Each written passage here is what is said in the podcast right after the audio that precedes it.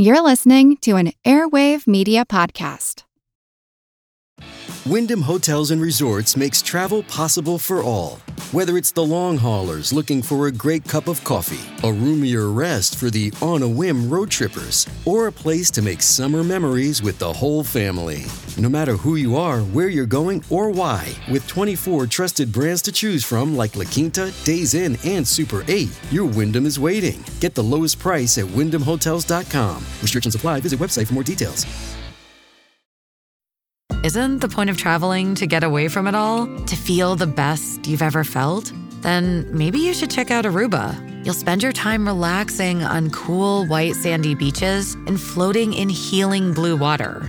You'll meet locals brimming with gratitude for an island that redefines what a paradise can be. When your trip comes to an end, you won't need another vacation because you just had the vacation. That's the Aruba effect. Plan your trip at aruba.com. This is Kick Ass News. I'm Ben Mathis.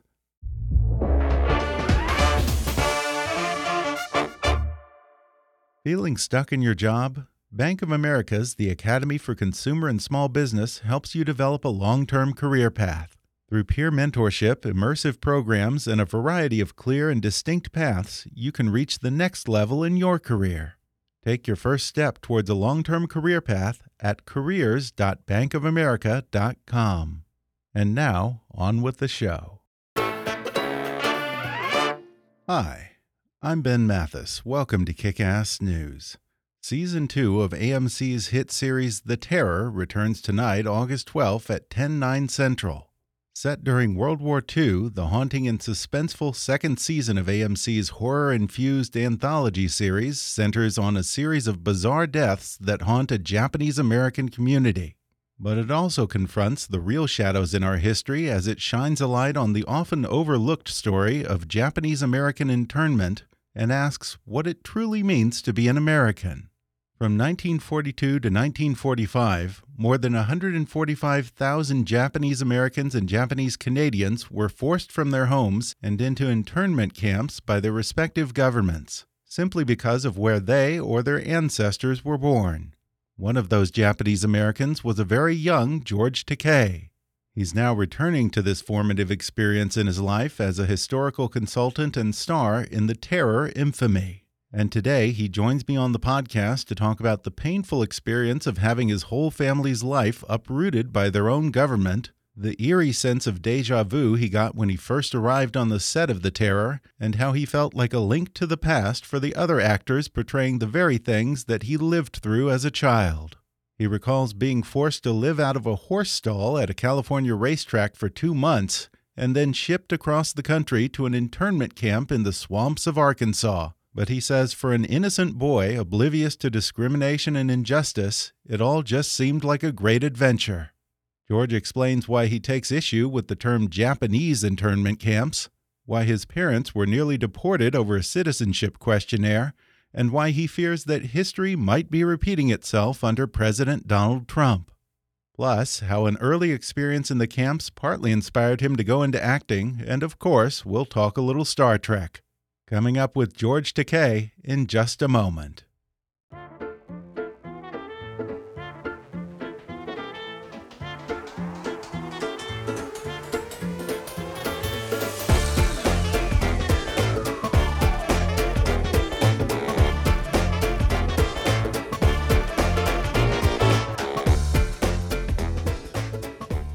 Legendary actor, author, producer, and activist George Takei is best known for his role as Mr. Sulu on Star Trek, but what many people might not know is that he spent much of his childhood in an internment camp for Japanese Americans during World War II. This formative moment in his life inspired him to publish a new graphic novel about his experience titled They Called Us Enemy, and now he stars in and serves as a consultant on AMC's second season of The Terror, which is set in an internment camp very much like the one he experienced as a boy. The Terror Infamy premieres August 12th on AMC. George Takei, thanks for joining me. Good to be talking with you. Well, The Terror Infamy is a horror series, of course, but it is set against the very real backdrop of historical events. And your role as a consultant on this show isn't just a vanity thing. There are scenes that are straight out of your own childhood. You actually lived this, right? That's correct.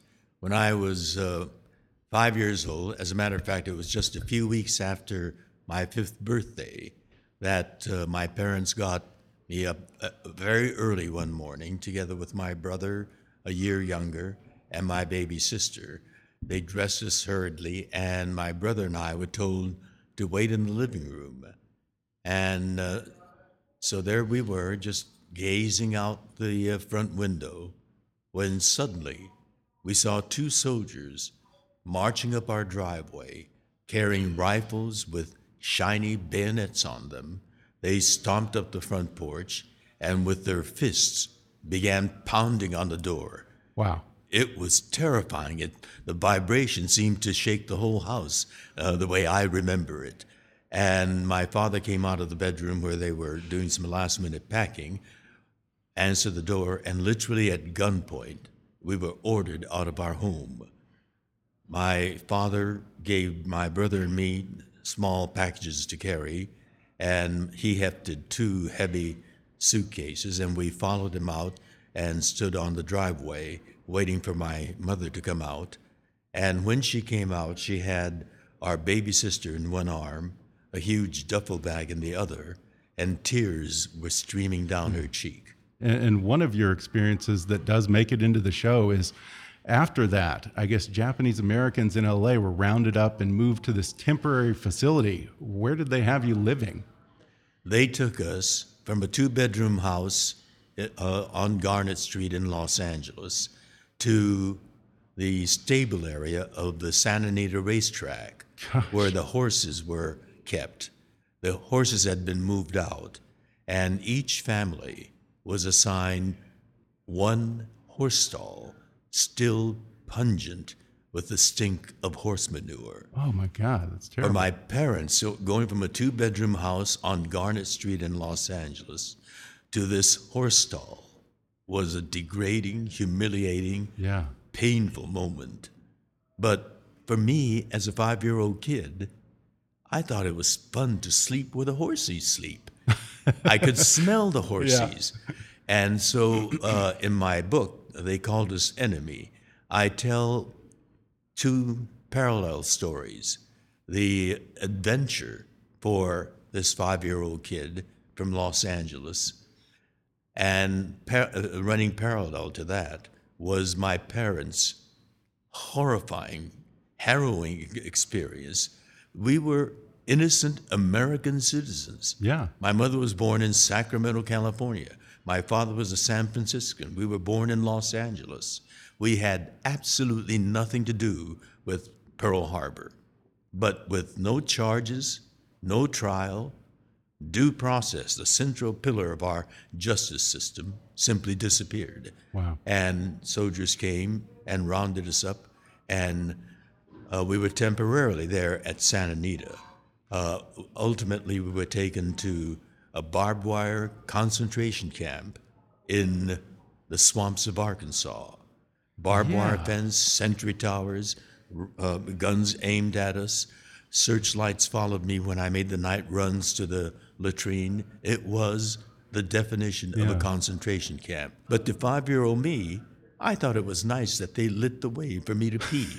so these two uh, wow. contrasting parallel experiences. Yeah, there is this strange innocence to many of your childhood recollections of the camps. And it actually reminds me a lot of, I don't know if you remember this movie, the Italian movie Life is Beautiful I with remember Roberto that. Benigni. And he's this father who gets sent to the concentration camps, and he, in order to shield his child from the horrors of the camps, he sort of makes a game out of it and plays make believe with him. Uh, how did your dad frame this experience for you as just a five or six year old boy at the time? He told us that we were on a long vacation in this place called wow. Arkansas. And to me, Arkansas sounded exotic. it could have been Honolulu, which is a funny sound, yeah. you know. Uh, and it was different. I mean, there is a bayou right there, right outside the uh, barbed wire fence, and some of that bayou uh, was within the barbed wire fence.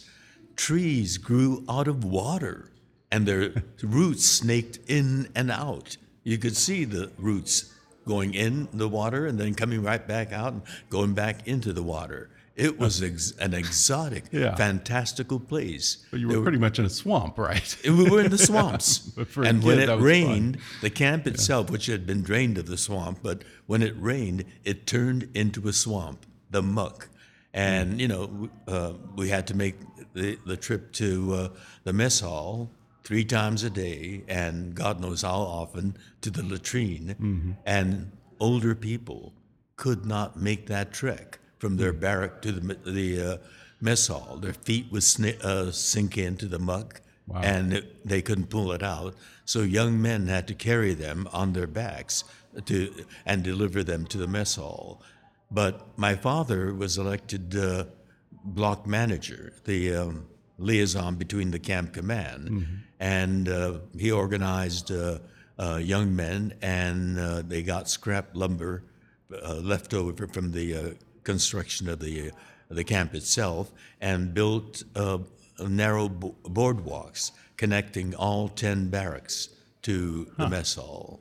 Yeah, he was kind of a leader within the community there. He was, Yeah. and also, you know, uh, something of a um, uh, advisor giving guidance. And he said, you know, all these people were stressed out, marriages were stressed, Yeah. and he had to serve as marriage counselors, where some people, you know, became suicidal, depressed, and uh, so he had to wear many, many different Yeah. hats. Now, before we get too far into this, I, I want to point out that you take issue with this common use of the term Japanese internment camps. What does that phrase get wrong? Plain, simple English grammar tells you that Japanese internment camps would be run by the government of Japan. We were American citizens of Japanese ancestry, incarcerated by the order of the President of the United States in the United States, we, uh, in our case, Arkansas, and guarded over by the U.S. military. They were American concentration camps. And let's be honest, Arkansas is barely part of the United States. They were That must have been a all in the parts shock. that were barely part of the United Yeah. States, in the most desolate places. Yeah. The uh, windswept high plains of Wyoming, Idaho, Utah, Colorado, the blistering hot desert of uh, Arizona. Yeah. Can you imagine being in a black tar paper Yeah. barrack in the bless- blistering, I mean, oppressive heat Yeah. of Arizona? We're going to take a quick break, and then I'll be back with more with George Takei when we come back in just a minute.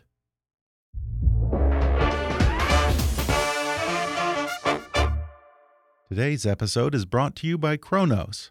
Kronos knows that for many organizations, maintaining a modern workforce of hourly, full, or part time workers can be a challenge. This is especially true for human resources professionals working hard to attract and retain all the best talent. That's why Kronos puts HR, payroll, talent, and timekeeping on a single cloud based platform. It's one specially designed to give HR professionals supporting a blended workforce a whole new level of confidence.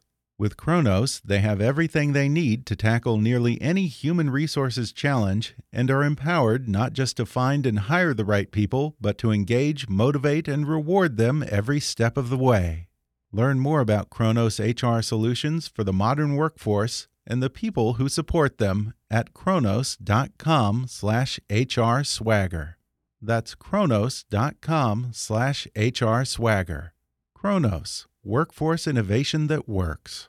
If there's something interfering with your happiness or preventing you from achieving your goals, BetterHelp Online Counseling can help. BetterHelp offers licensed professional counselors who are specialized in issues such as depression, anxiety, relationships, trauma, anger, family conflicts, LGBT matters, grief, self esteem, and more. Connect with your professional counselor in a safe and private online environment and get help at your own time and at your own pace. Anything you share is confidential, and it's so convenient you can schedule secure video or phone sessions as well as chat and text with your therapist. If for some reason you're not happy with your counselor, though, you can request a new one at any time for no additional charge. Best of all, it's a truly affordable option. Kickass News listeners even get 10% off your first month with the discount code KICK. So why not get started today?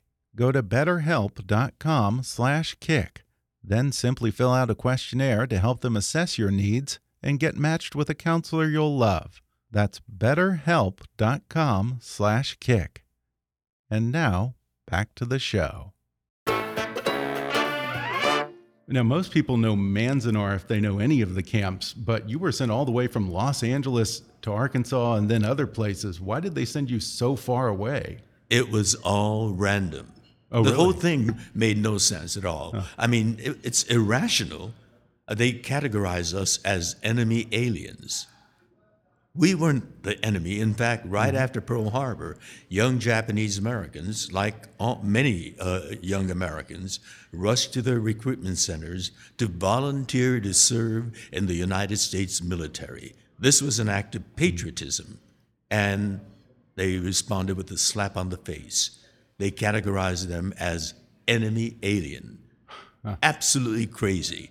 I mean, they, they were patriots volunteering to possibly die for this country. And to call them the enemy made no sense at all. And equally senseless was to call us aliens. We were Right, born you were here. American citizens. Right.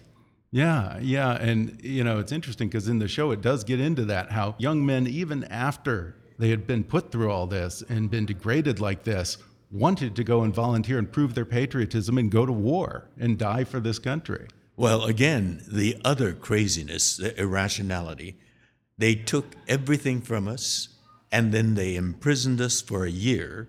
And then the government realizes there's a wartime manpower shortage. And here are all these young people that they could have Yeah, had that they they categorized as Yeah. enemy alien. How to draft people out of barbed wire concentration camps their solution was absolutely uh, cruel as well as irrational.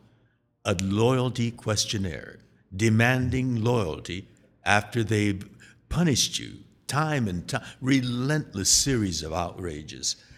The, and the loyalty questionnaire was put together by people that were uh, literally ignorant and didn't know the English language. The key question that outraged people in all 10 uh, uh, uh, camps was question 28, one sentence with two conflicting ideas. It asked, Will you swear your loyalty to the United States of America and forswear your loyalty to the Emperor of Japan? We're Americans. They, Right. they uh, presumed that we had an inborn genetic racial loyalty to the emperor. So if you answered no, meaning I don't have a loyalty to the emperor of Japan, and I'm uh, then that no applied to the first part of the You very can't same sentence. forswear it then if you never had You it. can't win. yeah. Uh, yeah, if you it's almost a said yes. I do swear my loyalty to the United States, then that yes applied to the second part meant you were confessing Wow. that you had been loyal to the emperor and now Yeah. were prepared to forswear it. yeah, It was no win. a no-win question. Wow. And, and didn't your parents actually renounce their citizenship in order to protect the family? Well- and I think almost got deported. Well, they uh, they answered no to that outrageous question, Right. And for that, they were categorized as disloyal, and we had to be transferred from the Arkansas camp to a. uh, They called it a, uh, uh, uh, uh, a segregation camp for disloyals in Northern California by the uh, uh, uh, or, uh, Oregon border. A camp called Tule Lake, which became notorious. Many of the young men, some of who, uh, who had actually volunteered to serve right after Pearl Harbor, became radicalized by all this stupid goading by the government, and they became uh, uh, fanatically uh, pro-Japan. Really? So you weren't enemies before, but then they made they made them enemies. They yeah m- made the the government made them, and they said you're, you're going to consider us enemies. By gum, we'll, we'll show you what kind of Wow. enemy we can be. And I remember waking up uh, in the mornings, uh, uh, listening to these radicals uh, exercise, jogging around the, the block, uh, preparing themselves physically to rise up when Japan landed on continental United States. That, that cadence was a Japanese cadence. Washoi, washoi, washoi. And I heard that in the morning as they jogged. And then when they finished their jog, they would all gather around and, and shout, Banzai, Banzai. They were really Wow. Uh, uh, radicalized. I'll bet that spooked the guards. Oh my good! Uh, the jeeps came roaring in, Yeah. but the, um, uh, the guys would uh, scatter back into the barracks. But then the uh, camp command tried to to find the leaders of the of this radical group, uh, and uh, they would stage midnight raids. They would raid the barracks and drag out young men. More often than not, they made mistakes. They uh, took the wrong people. And so, you know, uh, the uh, uh, segregation camp became turbulent with all this uh, radical activity. And the uh, Congress got sick and tired of that. And they said, all right, you want to be uh, Japanese? All right, we will uh, let you be Japanese. And they passed the Denaturalization Act, which made it possible for American citizens to renounce their citizenship during wartime in a barbed wire prison camp, a concentration camp. It, it, it was the most unconstitutional act, but uh, and these uh, radicals renounced their uh, citizenship. But most of the uh, the people in, in camp was those just outraged by the uh, loyalty questionnaire, and uh, and so they did not renounce. But because only a few people renounced, Congress uh, uh, decided, all right, we'll show you. We're going to close down Tule Lake. We're going to let uh, let you all out. This in 1944, when the war was still going Yeah. on. Yeah. And a lot of people were not very open minded and probably really angry and maybe even violent. And there were rednecks that were taking pot shots at white people coming, uh, driving out to the internment camps to No visit kidding. us. Wow. And so the irony was the barbed wire fence that confined us also became the barbed wire fence that protected us from these uh, wild rednecks with rifles we were terrorized. My parents, uh, we- you know, they had three children, and we're, we're going to be let out into a, a, a, a, a country uh, full of hate and the. And the, the, you know, as we had radicals in the camp, we had white radicals, uh, the uh, white supremacists uh, with the, uh, their rifles, uh, taking pot shots at white people that sympathize with us. What's going to happen to us? It was a horrifying situation. And my mother, in order to protect the family, to, to keep Tule Lake Keep in the operating as a, a, a camp, which would have protected us, ironically, as well. Uh, and so the government goaded my mother into renouncing her American citizenship, which kept the camp op- uh, uh, operating. But when the war ended, her, uh, my mother's name was on a list of the first ship that was carrying the deportees to Japan. My mother was born in uh, Sacramento. Right, She was going to deport, be deported to Sacramento because that's where she came from. No, they were sending her to a war torn country, devastated. People there in Japan are hungry and, and, and rummaging around in the ruins. And that we were going to be sent there. I mean, we were going to be in, uh, uh, going as a family. If my mother went, we would, the rest of us Yeah. would have gone with her. Wow. I owe who I am today to this incredible man, Wayne Collins, an ACLU attorney. No attorney would touch a case like this. Renunciants, American citizens who renounced their citizenship in a barbed wire concentration camp and defend uh, people like my mother. He did. And because of his power and his passionate belief in the United States Constitution, he was able to get a mitigation a- uh, uh, uh, uh, rule for my mother and others uh, who, uh, you know, uh, had renounced but uh, want and God, what an ordeal. and uh, we uh, her uh, name was taken off that Hmm. list, and we were able to stay in the United States. And Wayne Collins eventually uh, restored my mother's uh, citizenship. Wow, it what a was guy. harrowing Yeah. experience. I mean, with Trump's Muslim ban, the family separations, and of course the latest offense, Trump telling U.S. congresswomen to go back to where they came from, even though I think 3 of They're- them were born here yeah, in the U.S. exactly. Does it feel to you a little bit like history is repeating itself? This endless cycle of governmental cruelty. I mean, you know, it, every what so many decades. In this case, seven de- uh, decades. It's being repeated again, but this time a new low. We children were intact with our parents. We were a family. But what's happening on the southern border today is children and infants are being torn away from their parents. I mean, how cruel can they be? Yeah. And then to really underscore the evil in these acts, some of the children are being scattered to the outlying areas of the United States. Uh, the New York Times had a front page story of this four week old infant who was torn away from his father and sent to um, um, Minnesota. And a compassionate God, couple uh, took them in.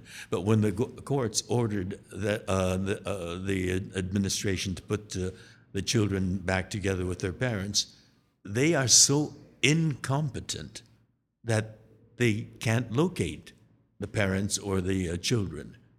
It's a Yeah. horrific low, Yeah, a it's grotesque low that we've gone to. Yeah. Now, I guess you probably would have met Trump because you did uh, uh, what Celebrity Apprentice a few years back. What were your initial impressions of him before all of this happened? Well, I, I did it because I thought it'd be kind of fun. Yeah. But at that time, um, I was um, campaigning for marriage equality uh, here Right. in the United States. Okay, so it was a platform. Um, and New York State did not have marriage equality. Mm-hmm. So uh, at a press conference to uh, promote uh, the show, near the end of that press conference, I said, Mr. Trump, I'd like to invite you to have lunch with me. I will host to discuss marriage equality because I wanted to put him on record in front of all the gathered press, uh, his position on marriage equality. And I suspected that he would demur, saying, Oh, I'm busy. I, I can't, uh, I don't have the time. Yeah. But he surprised me. He said, You know, George, that can be an interesting discussion. Okay, we're on. Have your people get to, uh, together with my people. and that conversation went on and on for about four months. But we finally got together. Oh, you did? Yes, Oh, that we did. surprises me. We met at Trump Grill in Trump Tower. Uh-huh. And uh, I said to him, Mr. Trump, you're a businessman. If New York State had marriage equality, you would profit from it. People would Okay. love a good argument to yes, make, get yeah. married in, in New York. Gays and lesbians from all over the country and all over the United uh, uh, uh, New York. Yeah. State Yeah, would that's come a to lot New of York hotel City and catering business there. stay in your hotel, eat in your restaurants, get married in your banquet rooms, you would have a land office business because you you own all these hotels and restaurants. and he said, "Yeah, I would, but I believe in traditional marriage." I had to bite my tongue. Yeah. Traditional Three- three of marriage. he was on his third marriage, and he was Wow. famously unfaithful Yeah. through all three of them. and he's talking about traditional marriage. Yeah. I said, you know, Mr. Trump, I believe in traditional marriage too. Traditional marriage is where two people who love each other, love each other deeply, and commit to each other faithfully for life through thickness, uh, through thick and thin, in sickness or in health. And we want that uh, kind of uh, security. If something should hap- happen to my spouse, I would like to visit him in the hospital Sure. and you can't unless you're married. Unless you're so we want that kind of security. We believe in traditional marriage. He said, Well, I believe in my traditional marriage, man and a woman. And we went back and forth, and we finally agreed to disagree. to disagree. that was it. Huh? yeah, I mean, I, I feel for you because, I mean, one way or another, you've been getting discriminated against your whole life. What was it like to be on the set of The Terror? Did you get a sense of deja vu? Was it emotional at times for you? I, you know, they did an amazing job of recreating the the actual reality mm-hmm. of the internment camps. I mean, I, yes, I experienced as, as an innocent child, but the barracks are exactly the way I remembered it. Wow. To the uh, crawl space between uh, the barrack and the ground. We had uh, adopted a stray dog, Blackie, and whenever he got uh, uh, reprimanded for having uh, done something uh, wrong, he would scurry under the uh, um the uh, crawl space. I re- remember the mess hall. It was exactly as I remembered it, except for the plates that. Uh, uh, they had. They were all brand new, uh, absolutely pristine. Uh, the, the plates that we had were chipped and and some were cracked and leaked. wow. you know, the the sauce uh, leaked through the cracks. Yeah. Uh, so we uh, corrected that. Wow. Uh, the uh, the cooks had this neat sanitary white cap on, like all restaurant worker ca- uh, uh, workers have. Uh, that's not the way I remember the cooks in the mess hall. Yeah. They had these uh, uh, bandanas to catch the perspiration from the heat in the kitchen, Uh-huh. uh, and they had un- undershirts on. You know, that was the reality. not a pretty picture. Not looking like restaurant uh, cooks. Yeah. Uh, so some of the details we had to uh, uh, make uh, authentic, uh, but that was my job being there on the set. Yeah, yeah, and there's a scene in the terror where the residents of the camp are watching a silent movie, and there's a Japanese American man narrating the movie and doing all the voices and the sound effects. I understand that was actually from your own memory as a kid, and it was at least part of what inspired you to become an actor, right? Exactly. Um, they showed all kinds of films, uh, old Hollywood movies. Uh, I remember seeing uh, Hunchback of Notre Dame, and Oh, it- yeah. you know, Yeah, and with, it- was it Wallace Beery or no, who was this was with uh, Charles Laughton. Oh, Charles Laughton. That's what I'm thinking of. Yeah. And, uh, you know, that was the way I found escape from the barbed wire fences. I was in uh, old Paris, uh, Notre Dame, and, and the uh, bells ringing. Uh, so uh, that was there. But sometimes they uh, had old uh, Japanese samurai movies. And uh, somehow the the uh, the voice track was lost, and so these narrator, uh, the narrator with his assistant, uh, with all the sound effects like uh, coconut shells to to uh, uh, make the sound of uh, horses clopping and uh, uh, Wow, whole. Foley team there. The whole- all in one. Two, uh, two people, a, a Wow. man and a, a young man. That's crazy. Uh, and the the uh, the older man did all the voices. The voice of uh, the uh, shogun, and the uh, samurai would say, "Ah, kashikomarimashita," and the princess would say, "Ma, You're pretty good at You know, this. and he did all the uh, uh, many voices. One man. Oh, wow. I thought he was magical. and I said to my father, that man is a, an artist. He said, yes, they're considered artists in Japan. Oh, man. They're called benshi. and I, that memory still Yeah. lingered with me, and I shared that with Alex Woo, and uh, there it was in the script. Wow, that's incredible. Well, it's been so much fun talking with you, George. Uh, Just real quick as we wrap up here, I just have to ask be straight with me, or maybe that's a bad choice of word. Be honest with me, George. I know that you just got back from Comic Con and you do a lot of Star Trek fan events all throughout the year. What's the most annoying thing about Trekkies? Trekkies? Yes. I, you know, I love Trekkies because Okay. they're the ones that made, that made it possible for me to be talking with you like this. Right, right. They amplified True. my voice, and I'm an activist, and I st- would be doing the same thing, but not with access to your Yeah. mic or to being in a film like the uh, the Terror Infamy, Yeah.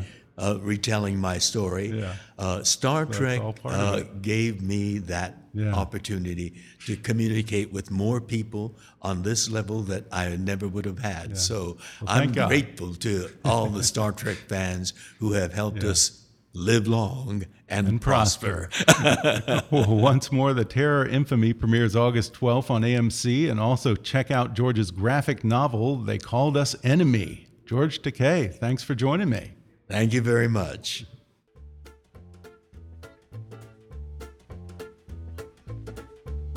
Thanks again to George Takei for joining me on the show. The season premiere of The Terror Infamy airs tonight, Monday, August 12th at 9, 8 Central on AMC. Visit amc.com for more information. Also, order George Takei's wonderful new graphic novel, They Called Us Enemy, on Amazon or wherever books are sold, and he's a great follow on Twitter at, at George Takei. Whatever struggles you're facing, from depression and anxiety to trauma and grief, BetterHelp can connect you with a professional counselor in a safe and private online environment. It's so convenient you can schedule secure video and phone sessions as well as chat and text with your therapist. And anything you share is completely confidential. Best of all, it's a truly affordable option. Our listeners even get 10% off your first month with the discount code KICK. So why not get started? Simply go to betterhelp.com/kick and fill out a questionnaire to get matched with a counselor you'll love today. Be sure to subscribe to Kickass News on Apple Podcasts if you haven't already, and if you like what you're hearing, then rate and review us while you're there. Five-star reviews are the easiest way for new listeners to find us. Don't forget to like us on Facebook and follow us on Twitter at, at KickassNewsPod. And feel free to email me with your thoughts, questions, and suggestions at comments at kickassnews.com. Until next time, I'm Ben Mathis, and thanks for listening to Kickass News.